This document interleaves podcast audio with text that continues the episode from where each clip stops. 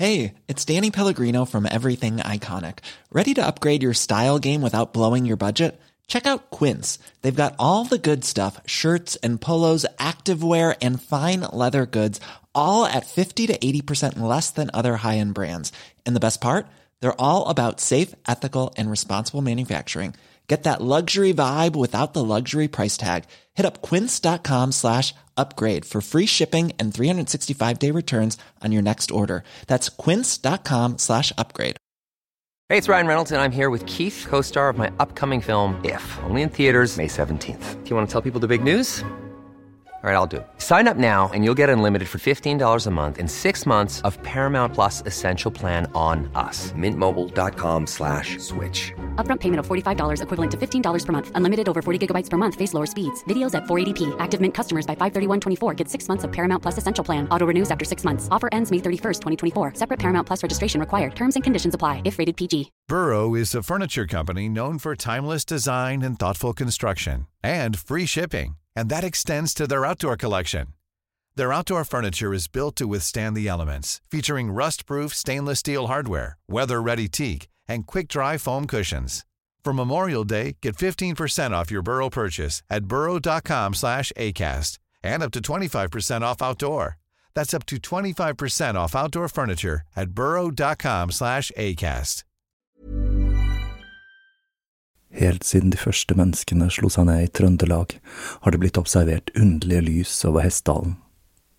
Fenomenet har blitt forsøkt bortforklart som syner sett av bygdetullinger og deliriske hallusinasjoner forårsaket av den lokale drikkekulturen. Men det skulle vise seg at fenomenet stakk langt dypere, når Hessdalen-fenomenet fikk verdensomspennende oppmerksomhet i ufo-miljøet på 1980-tallet. Fenomenet er fremdeles der, og det er fremdeles like uforklarlig som den gang. I 2024 kommer en podkastserie i seks deler, produsert av Project Hessdalen, som kanskje en gang for alle skal finne svar på hva som rører seg på himmelen i denne bortgjemte dalen i Trøndelag. Serien har som seg hør og bør fått tittelen A Blaze in the Northern Sky, og den kommer til din favorittpodkastavspiller i 2024.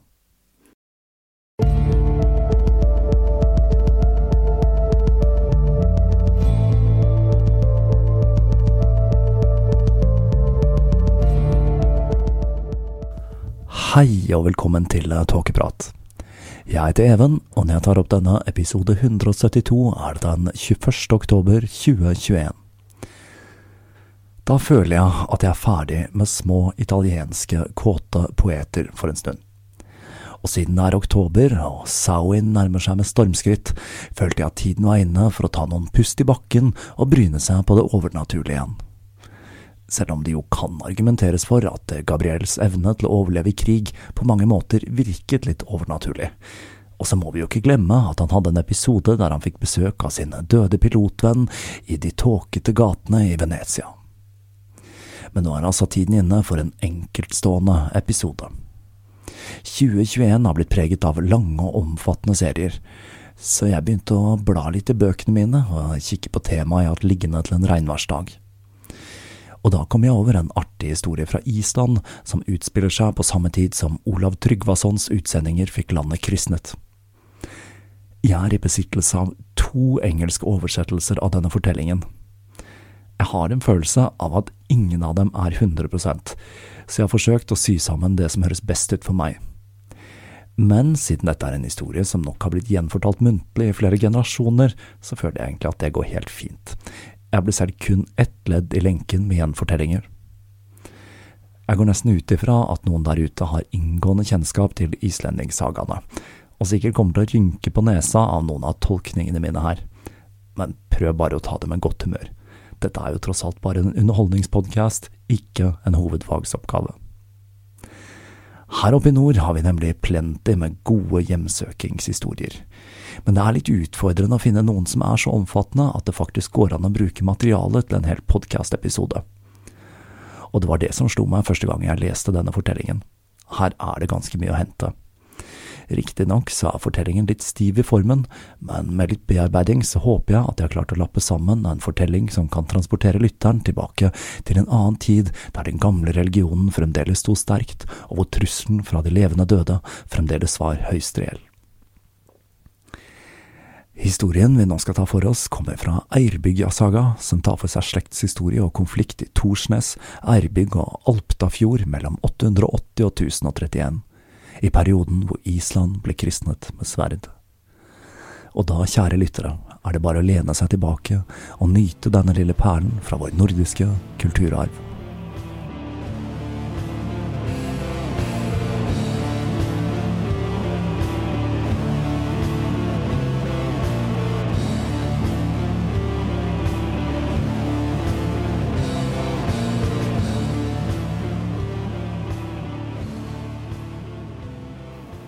Den samme sommeren Island ble kristnet, la et skip fra Dublin til kai i Sneffelnes, en halvøy vest på Island som er kjent for sitt dramatiske landskap.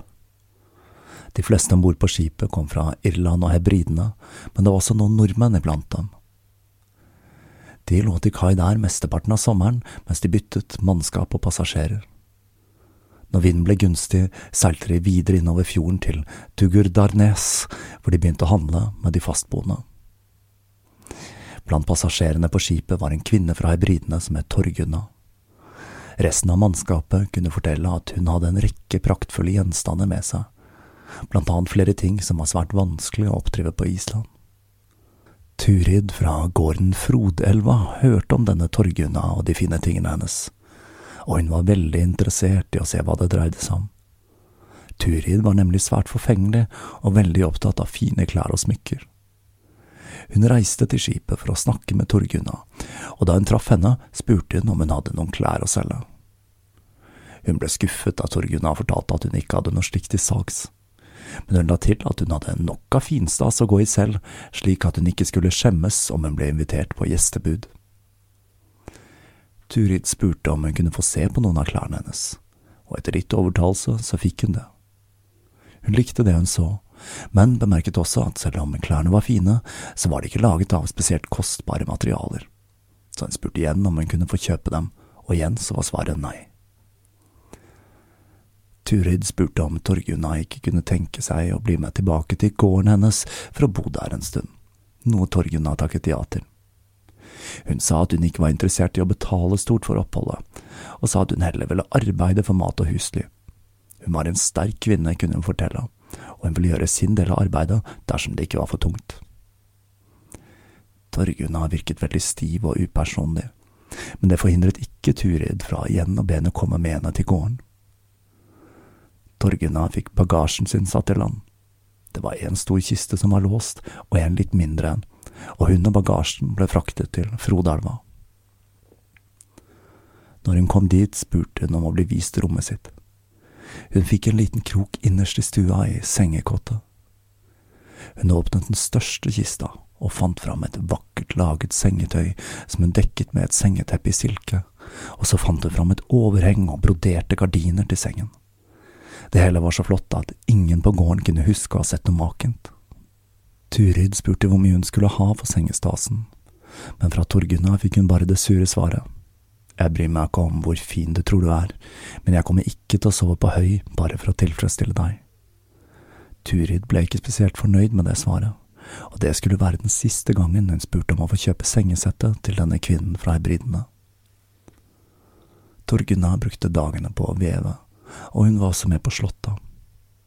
Når været var bra, så tørket hun høy på plassen nærmest gården, og hun hadde fått sin egen rake laget til seg, som hun ikke lot noen andre røre. Torgunna var en stor kvinne, høy, muskuløs, litt tjukkfallen med brede skuldre, og hun var generelt ganske røslig. Hun hadde mørke øyebryn, smale øyne og kastanjebrunt hår. Hun oppførte seg svært sømmelig og deltok alltid i gudstjeneste før arbeid, men hun var også vanskelig å komme overens med og brukte lite tid på å snakke med de andre ved gården. Man regnet med at hun måtte være i 50-åra, kanskje nærmere 60 men hun var fremdeles sprek og hadde mange år igjen foran seg. På denne tiden hadde Torir Trebein og Torgrima Heksefjes bosatt seg ved Frodelva, og det skulle snart oppstå en konflikt mellom dem og Torgunna. Den eneste Torgunna egentlig likte noe særlig ved gården, var bondens sønn Kjartan, som var 13 år gammel. Men han på sin side forsøkte å holde seg unna Torgunna, noe som irriterte henne noe voldsomt. Og her spriker fortellingene når det gjelder alderen på denne Kjartan, mellom 12 og 14 år, så jeg forholder meg til tallet 13 som et kompromiss. Det var en regnfull sommer, men til tross for det var det nok tørt vær til at halvparten av høyet hadde tørket når området der Torgunna slo var ferdig. En høstdag var spesielt klar og fin, og storbonden Torod sto opp tidlig den morgenen for å delegere dagens arbeid. Han bestemte hvem som skulle samle høyet, og hvem som skulle frakte kjerrene tilbake til gården. Kvinnene ble fortalt at de skulle hjelpe til med å tørke høyet, og han fordelte arbeidet mellom dem. Torgunna, som var sterk, ble gitt ansvaret for nok høy til å fòre på en hel okse en hel vinter. Alt gikk etter planen, men tidlig om ettermiddagen begynte det å samle seg svarte skyer i nord, og skyene drev jevnt og trutt nærmere gården. Det så ut til at det skulle begynne å regne, og Torod ba dem begynne å stable høya. Men Torgunna, hun nektet, og fortsatte med å vende det. De svarte skyene beveget seg raskere og raskere, og snart var de like over gården. Et underlig mørke begynte å legge seg.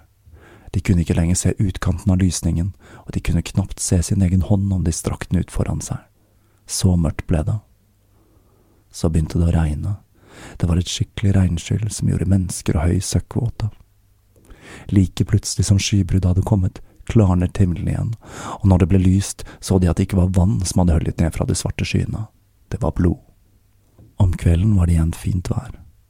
Blodet tørket og høyet ble tørt, bortsett fra blodet som hadde falt på høyet og raken til Torgunna. Hun forble bløt og flekket av blodet. Torod spurte Torgunna om hva dette gjærtegnet betød. Torgunna trakk på skuldrene og sa at man ikke kunne være sikker, men at det mest sannsynlig betød at noen på gården kom til å dø. Den kvelden dro Torgunna tilbake til gården og rett til sengs. Hun tok av seg de bloddryppende klærne og la dem på senga og krøp under dyna med et sukk. Folket på gården kunne se at hun hadde blitt syk. Det blodige regnet hadde kun falt på Frodelva. Ingen av områdene rundt hadde blitt berørt. Når det var tid for kveldsmat, nektet Torgunna å spise, og når Torod gikk for å se til henne neste morgen for å se om hun følte seg bedre, fortalte hun at hun var sikker på at hun lå på sitt dødsleie. Hun sa, Jeg finner deg den mest pålitelige personen på gården her. Det er derfor jeg vil gi deg den oppgaven med å forvalte eiendelene mine etter jeg dør. Du liker meg kanskje ikke noe særlig, men det må gjøre nøyaktig slik jeg sier, hvis ikke vil en stor ulykke ramme. Gjærtegnet var det første tegnet på at noe grusomt er i ferd med å skje, så det er viktig at dere gjør alt i deres makt for å forhindre det. Jeg tror du har rett, sa Torod. Jeg skal gjøre som du sier. Dette er det jeg ønsker, sa hun. Om jeg dør av denne sykdommen, vil jeg at kroppen min skal fraktes til Skalholt, for jeg har på følelsen av at det snart vil bli det helligste stedet på Island. Jeg vet det er prester der som kan utføre en messe for meg, og det er akkurat det jeg ønsker. Som betaling skal du få det du vil av eiendelene mine, så du skal få mer enn nok kompensasjon for jobben. Men før du begynner å dele opp eiendelene, har jeg et par ønsker. Turid skal få den røde kappen min. Jeg håper at det vil gjøre henne til lags, og at hun tar litt lettere på resten av fordelingen. Av alle tingene jeg lar bli igjen, kan du og din kone velge hva dere vil for å dekke kostnadene. Men jeg har en gullring jeg vil skal gis til kirken, og sengetøyet og overhenget det skal brennes, for jeg forutser at eieren av disse vil bli utsatt for krangel, misunnelse og sjalusi. Jeg sier ikke dette fordi jeg ikke unner noen å bruke disse tingene, men jeg må være svært bestemt når det gjelder dette punktet. Jeg vil ikke være ansvarlig for den ulykken som vil ramme dersom ønskene mine ikke blir fulgt. Torad lovte å gjøre som det ble spurt av ham, og like etter ble hun enda dårligere, og det gikk bare noen dager før hun døde. Torad beordret en kiste snekret til liket. Den neste dagen tok han sengeklærne med seg ut på tunet og gjorde i stand et stort bål. Da kom Turid, og hun spurte om hva som sto på. Han fortalte at han hadde tenkt å brenne sakene slik som Torgunna ønsket. Turid så surt på ham. Om jeg får det slik jeg vil, sa hun, så brenner ikke slike verdifulle ting. Det er sløsing. Jeg kan ikke skjønne hva slags ulykke det vil bringe med seg å beholde det. Hun mente det hun sa, sa Torod. Vi vil gjøre lurt i å høre på advarselen hennes. Det viser bare hvilken sjalu kvinne hun var, sa Turid. Hun var så smålig at hun ikke ville at noen andre skulle kose seg med tingene hennes. Jeg tror ikke det er spesielt lurt å ikke ta hensyn til de dødes ønsker, svarte han.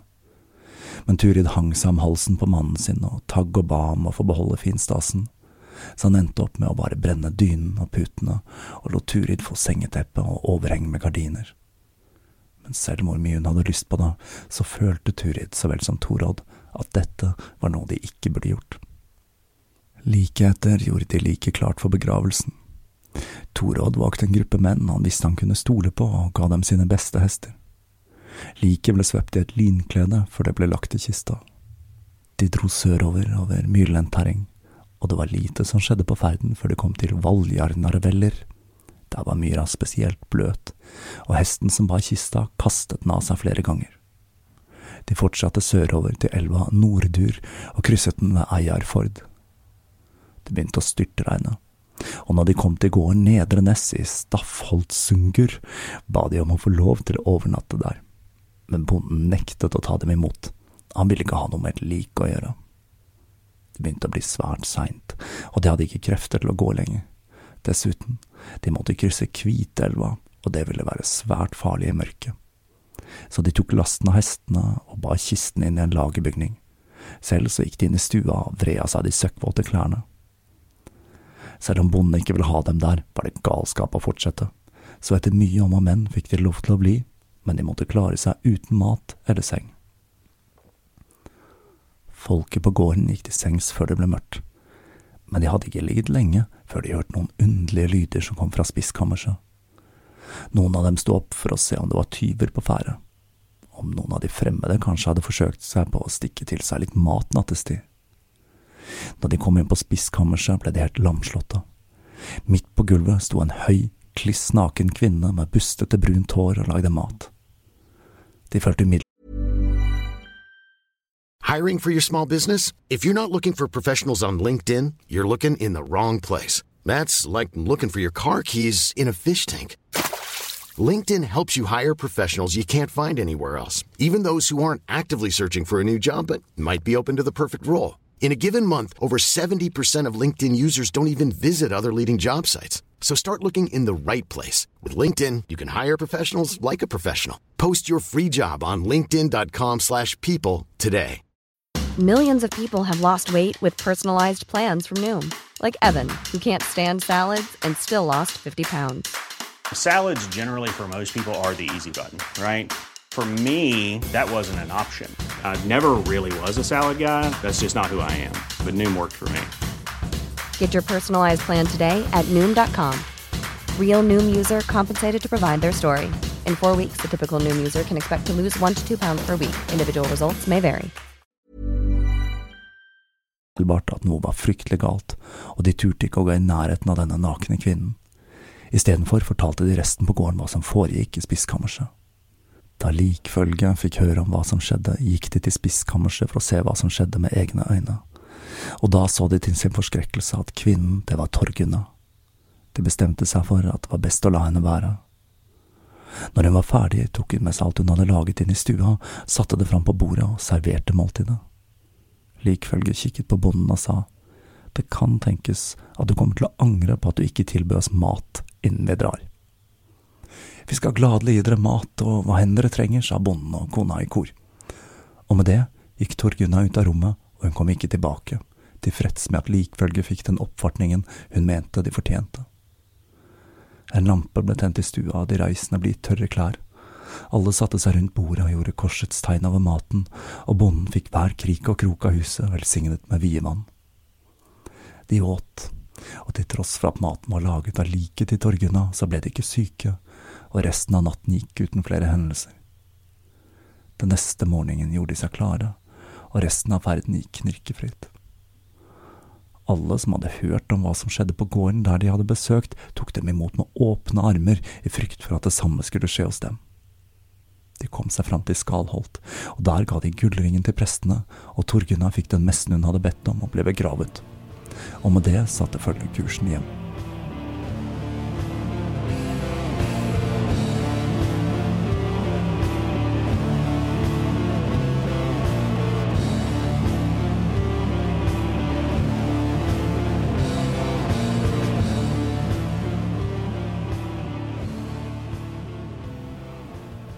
Frodelva hadde en stor stue med et sengekott bak, noe som var vanlig på den tiden. Helt fremst i stua var to lagerrom på hver side av døren, ett til mel og ett til tørrfisk. Hver kveld gjorde de opp ild i stua, og folket på gården pleide å samle seg der før kveldsmat. Kvelden like før de kom tilbake, hadde de samlet seg rundt ilden slik de pleide. Og da oppdaget de en halvmåne som viste seg på den ene veggen. Månen sirklet rundt i rommet fra venstre mot høyre, og den var synlig så lenge det satt folk ved ilden. Torod spurte Torir Trebein hva det betydde, og Torir sa at det var dødsmånen. Noen kom til å dø, la han til. Og slik forble det. Hver kveld, hele uken, kunne de se den samme merkelige månen reflektert på veggen i stua. Det neste tingen som skjedde, var at en gjeter som kom tilbake til gården, var svært oppskaket. Han sa ikke stort, men når han først snakket, var han sinna, og han bablet usammenhengende. Han holdt seg unna folk og mumlet mest for seg selv, og folk begynte å undres på om han var blitt forhekset. Dette fortsatte en stund. En dag etter vinteren hadde vart i to uker, kom han hjem og gikk rett til sengs, og når man gikk fra Setland dagen etter, ble han funnet død der han lå. Det begravet han på den lokale kirkegården, og like etter begynte hjemsøkingen. En natt gikk Torir Trebein ut for å gjøre fra seg. På vei tilbake til huset så han til sin forskrekkelse at gjeteren sperret inngangsdøren til huset. Torir forsøkte å komme seg forbi, men gjeteren rikket seg ikke. Torir begynte å trekke seg unna, men da kom gjeteren mot ham, tok tak i ham, klorte ham og løftet han som han skulle veid like mye som et barn og kastet ham mot døra. Forslått og i sjokk gikk Torir tilbake til senga og la seg, og fra den skulle han aldri reise seg igjen. Han ble raskt syk, kroppen hans ble lilla og oppsvulmet, og like etter døde han. Og han ble som gjeteren, begravet ved kirken. Etter dette dødsfallet ble ofte gjeteren og Torir sett sammen, og folk var naturligvis svært redda. Det stoppet ikke med Torirs død. Like etter ble en av gårdsguttene til Torad syk. Han ble sengeliggende i tre dager før han også døde, og så begynte det hele å spre seg. Én etter én ble syke, for så å dø like etter. Totalt seks mennesker døde under dette utbruddet. Lagerrommet med tørrfisk var så fullt at det knapt var mulig å åpne døren, og stabelen med fisk var så høy at man måtte bruke en stige for å ta fisk fra toppen. Så begynte ting å skje på fiskelageret. Natt etter natt kunne de høre skrapelyder fra rommet, men når de kikket inn, var det ingenting å se. Like før jul den vinteren dro Torod til Ness for å hente mer tørrfisk. Han hadde med seg fem mann i en robåt, og de overnattet der. Den samme kvelden, etter ilden hadde blitt tent og folket på gården hadde samlet seg i stua, kom et selhode opp av stuegulvet. Det var en av tjenerne som så det først. Hun tok en klubbe og slo det i hodet, men det hadde ikke den ønskede effekten. Tvert imot så kom selhodet lenger opp av gulvet enn tidligere. Selen snudde seg og stirret på overhenget til Torgunnas seng. En av gårdsguttene forsøkte seg på å slå selen, men for hvert slag kom den lengre og lengre opp, helt til loffene var synlig, og med det besvimte gårdsgutten. Alle var stive av skrekk, bortsett fra odelsgutten Kjartan, som kom løpende med en slegge og begynte å hamre løs på selen. Selen ristet først bare litt på hodet, men med slag etter slag klarte Kjartan å hamre den ned i gulvet som en spiker i en planke. En om vinteren skulle flere uhyggelige ting skje, og historien var alltid den samme, det var bare Kjartan som klarte å hamle opp med gjengangerne. Den neste morgenen dro Torad og gruppen hans fra Ness med et båtlass med tørrfisk. Men på vei hjem kantret båten, og mennene druknet. Båten ble funnet i ende sammen med fisken, men mannskapet var vekk. Når nyheten om bondens død nådde Frodelva, inviterte Turid og Kjartan nabogårdene til gravøl. De hadde nemlig mer enn nok øl etter å ha brygget til jul. På den første kvelden, etter at alle gjestene hadde satt seg, kom Torodd og mennene hans på døren, søkkvåte i klærne de hadde dødd i. De ble tatt vel imot, for på den tiden så man på det som et godt tegn dersom de døde møtte opp til sitt eget gravøl. Dessuten, de som druknet på havet ble tatt imot av rån, havets gudinne, og fraktet til boligene hennes på havens bunn. For selv om Island var såkalt kristnet, var den gamle troen sterk blant folk. Torodd og mennene hans overså de rundt seg, de gikk rett bort til ilden og satte seg. Folk løp ut fra rommet for å la dem være i fred, og der ble de sittende helt til ilden brant ned. Slik var det hver kveld under gravølet. De døde mennene dukket opp når ilden ble tent, og forlot huset når den var brent ned. Når gravølet var over, regnet folkene på gården med at de døde ville la dem være i fred. Men den påfølgende kvelden skulle det vise seg at Torodd og følget hans kom som kveldene før. De vred vannet ut av klærne sine og satte seg i bilen. Og like etter de hadde satt seg, kom Torir Trebein og de som hadde dødd, med han. De ristet av seg gravjord og satte seg sammen med de druknede mennene. Folket på gården var fortvilet. Det var ikke lenger plass til de levende rundt ilden. Først forsøkte de å gjøre opp ild i et annet rom, men de døde flyttet seg bare etter ilden. Etter den tredje dagen med dette foreslo Kjartan at de skulle gjøre opp ild i to rom i huset, i håp om at de døde skulle holde seg til stua. Det gjorde de. Det fungerte. Så den jula feiret de levende og de døde i hvert sitt rom på gården. Mens alt dette foregikk, ble lyden fra tørrfisklaget stadig høyere og mer påtrengende. Dag som natt kunne de høre lyder av fisk som ble revet i stykker. Når tiden var kommet for å begynne å spise tørrfisk, og de inspiserte haugen, kunne de se at det stakk en hale ut fra toppen av den. Dette så ut som en oksehale dekket av selhår. En mann forsøkte å dra den ut, men det skulle vise seg at den satt svært godt fast, så han måtte be om hjelp fra både menn og kvinner men til tross for at de dro og dro, så beveget den seg ikke en centimeter. De regnet alle med at halen, og med den dyret den var festet til, var død, men plutselig, mens de dro i den, forsvant den ned i haugen med en slik kraft at den dro huden rett av hendene til de som holdt i den. De begynte å rydde fisken ut av lageret, og da oppdaget de at all fisken var spist. Det var kun skinn og bein igjen, og ikke noe levende vesen var å se. Like etter ble kona til Tore Trebein, Torgrim av heksefjes, syk. Og som med de før henne, så døde hun like etter. Og kvelden etter begravelsen ble hun sett sammen med den døde ektemannen. Så begynte den underlige sykdommen å spre seg igjen.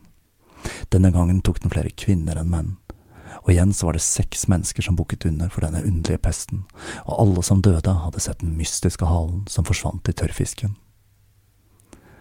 Med dødsfallene fulgte enda mer hjemsøking, og nå begynte folk virkelig å bli redde. Tjenerne hadde begynt å flykte fra gården. Om høsten hadde de hatt 30 tjenestefolk, men 18 av dem hadde dødd, og fem hadde rømt, så nå var det bare syv igjen. Det hele ble litt i overkant, så Kjartan bestemte seg for å dra over Helgafjell for å snakke med onkelen hans Snorre, som var en av de smarteste på Island. Han ville sikkert ha et svar på hvordan man kunne kvitte seg med disse døde som vandret rundt på gården. Når han kom til Helgafjell, var det akkurat kommet en prest innom, og Snorre ba han dra sammen med Kjartan tilbake til Frodelva. Snorre sa at de måtte brenne alt sengetøyet til Torgunna og holde en rettssak mot de levende døde, hvorpå presten skulle velsigne gården. Og her må jeg si at jeg sliter litt med oversettelsen. Dette dreier seg om en slags norrøn gårdsrettssak med jury, dommer, vitner og tiltalte som ble holdt på gårder, og de engelske oversettelsene refererer til en door court, eller en court at his door. Så her detter jeg litt av lasset. For enkelhets skyld så refererer jeg bare til dette som en rettssak i denne episoden. Den smarte onkelen han sendte også sønnen Tord, også kjent som Katten, og seks andre personer fra gården. Han sa nemlig at det ikke ble ta seg ut dersom en sønn skulle dømme sin egen far. På veien tilbake dro de innom alle gårdene de passerte, og spurte om flere ville være med, og følget vokste for hver gård de besøkte. Det var kyndelsmesse når de kom tilbake, og ilden i stua hadde akkurat blitt tent. Turid var sengeliggende med den samme sykdommen som så mange hadde dødd av tidligere, og når Kjartan gikk inn i stua, så han at de døde hadde samlet seg der som vanlig. De døde ble kalt inn til rettssak. En jury ble opprettet og vitner ble avhørt. Når dommen falt for Torir Trebein, reiste han seg og sa, Jeg satt der så lenge folk lot meg, før han forlot rommet. Etter ham var det gjeterens tur. Han reiste seg og sa, Jeg går nå, det ser ut til at jeg skulle gått tidligere, og det samme skjedde med Torgrim og Heksefjes. En etter en ble de døde domfelt. De reiste seg, kom med en sleng bemerkning og forlot rommet. Den siste som ble domfelt, var Torodd, og han sa, Det er ikke fred å få her, det er best at vi alle drar, før han også forlot rommet. Etter alle var dratt, velsignet presten huset med vievann og satte opp krusifiks i alle husets hjørner. Den neste dagen ledet han gården i bønn og sang, og de døde skulle ikke vise seg der etter det. Turid kom seg til sykdommen, og når våren kom, ansatte Kjartan nye tjenestefolk. Han skulle drive gården i mange, mange år, og fikk raskt et rykte som en svært modig gårdeier. Og historien om hvordan han bekjempet de levende døde på Island, er en som har overlevd fram til den dag i dag.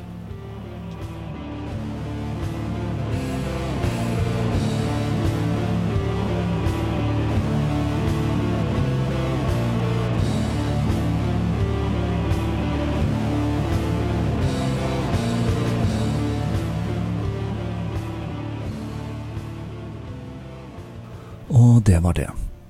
Jeg vet ikke hvor skummelt det er med en spøkelsessel som spiser tørrfisk i 2021, men en ganske fornøyelig fortelling syns jeg nå det er, uansett. Vi får et lite hint om at det kanskje kan ha vært en naturlig forklaring på alle dødsfallene på gården, når vi hører at eh, Toril Trebein ble lilla og svulmet opp. Men det forklarer jo ikke hvorfor hele bøtteballetten med avdøde dukket opp i stua natt etter natt. Jeg merker meg også at skrømten i denne fortellingen i stor grad er godlynte. Kanskje bortsett fra denne gjeteren, men han ser jo egentlig bare ut til å ha villet ha en venn i døden. Om det er noen som utmerker seg som ondsinnede, så må det jo være dette selvesenet. Det kan jo tenkes at det var det som sto bak kantringen av båten også. Hvem vet, sier nå jeg. En annen ting å ta med seg er jo disse kallenavnene som Trebein, Heksefjes og Katten. Det er en tradisjon jeg skulle ønske vi hadde holdt ved like. Jeg må si at det var litt stas å jobbe med et litt mindre tema igjen. Og siden det er høst, så kjenner jeg at det rykker litt mer i hjemsøkt-foten, så dere skal ikke se helt bort ifra at det blir noen flere slike episoder, før jeg igjen begir meg i kast med et skikkelig dypdykk. Og jeg har på følelsen at det blir en liten stund til vi besøker Italia igjen, etter først å ha tråklet meg gjennom historien til John Hawkwood, i tillegg til Gabriel Denuncio. Fram til da så vil jeg som vanlig takke alle patrons, alle som har handlet i nettbutikken og alle som har donert. Det er mulig at det vil komme en overraskelse i nettbutikken før jul, men vi får nå se hva som skjer. Jeg setter også veldig pris på en god rating av Tåkeprat. Det hjelper til med å gjøre Tåkeprat synlig i podkastjungelen der ute. Linker til sosiale medier, nettbutikk og lignende finner dere på tåkeprat.com. Jeg vil igjen minne om at den offisielle Instagrammen til Tåkeprat også er min private Instagram-konto, at Even Leven, og ikke at Tåkeprat. Det er altså ikke jeg som først og fremst er artist, ikke kvinne, om noen lurte på det. Og med det så ønsker jeg dere alle en fortsatt god høst. Nå vet dere iallfall hva dere skal gjøre om dere får ubudne gjester av det vanndøde slaget. På gjenhør.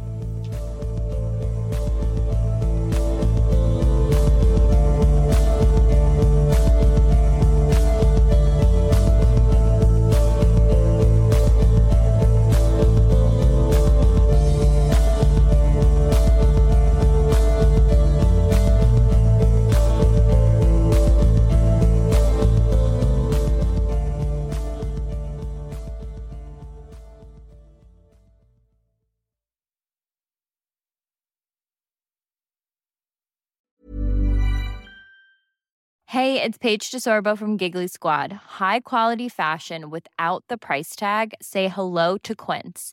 I'm snagging high-end essentials like cozy cashmere sweaters, sleek leather jackets, fine jewelry, and so much more. With Quince being 50 to 80% less than similar brands. And they partner with factories that prioritize safe, ethical, and responsible manufacturing. I love that. Luxury quality within reach. Go to quince.com slash style to get free shipping and 365 day returns on your next order. Quince.com slash style.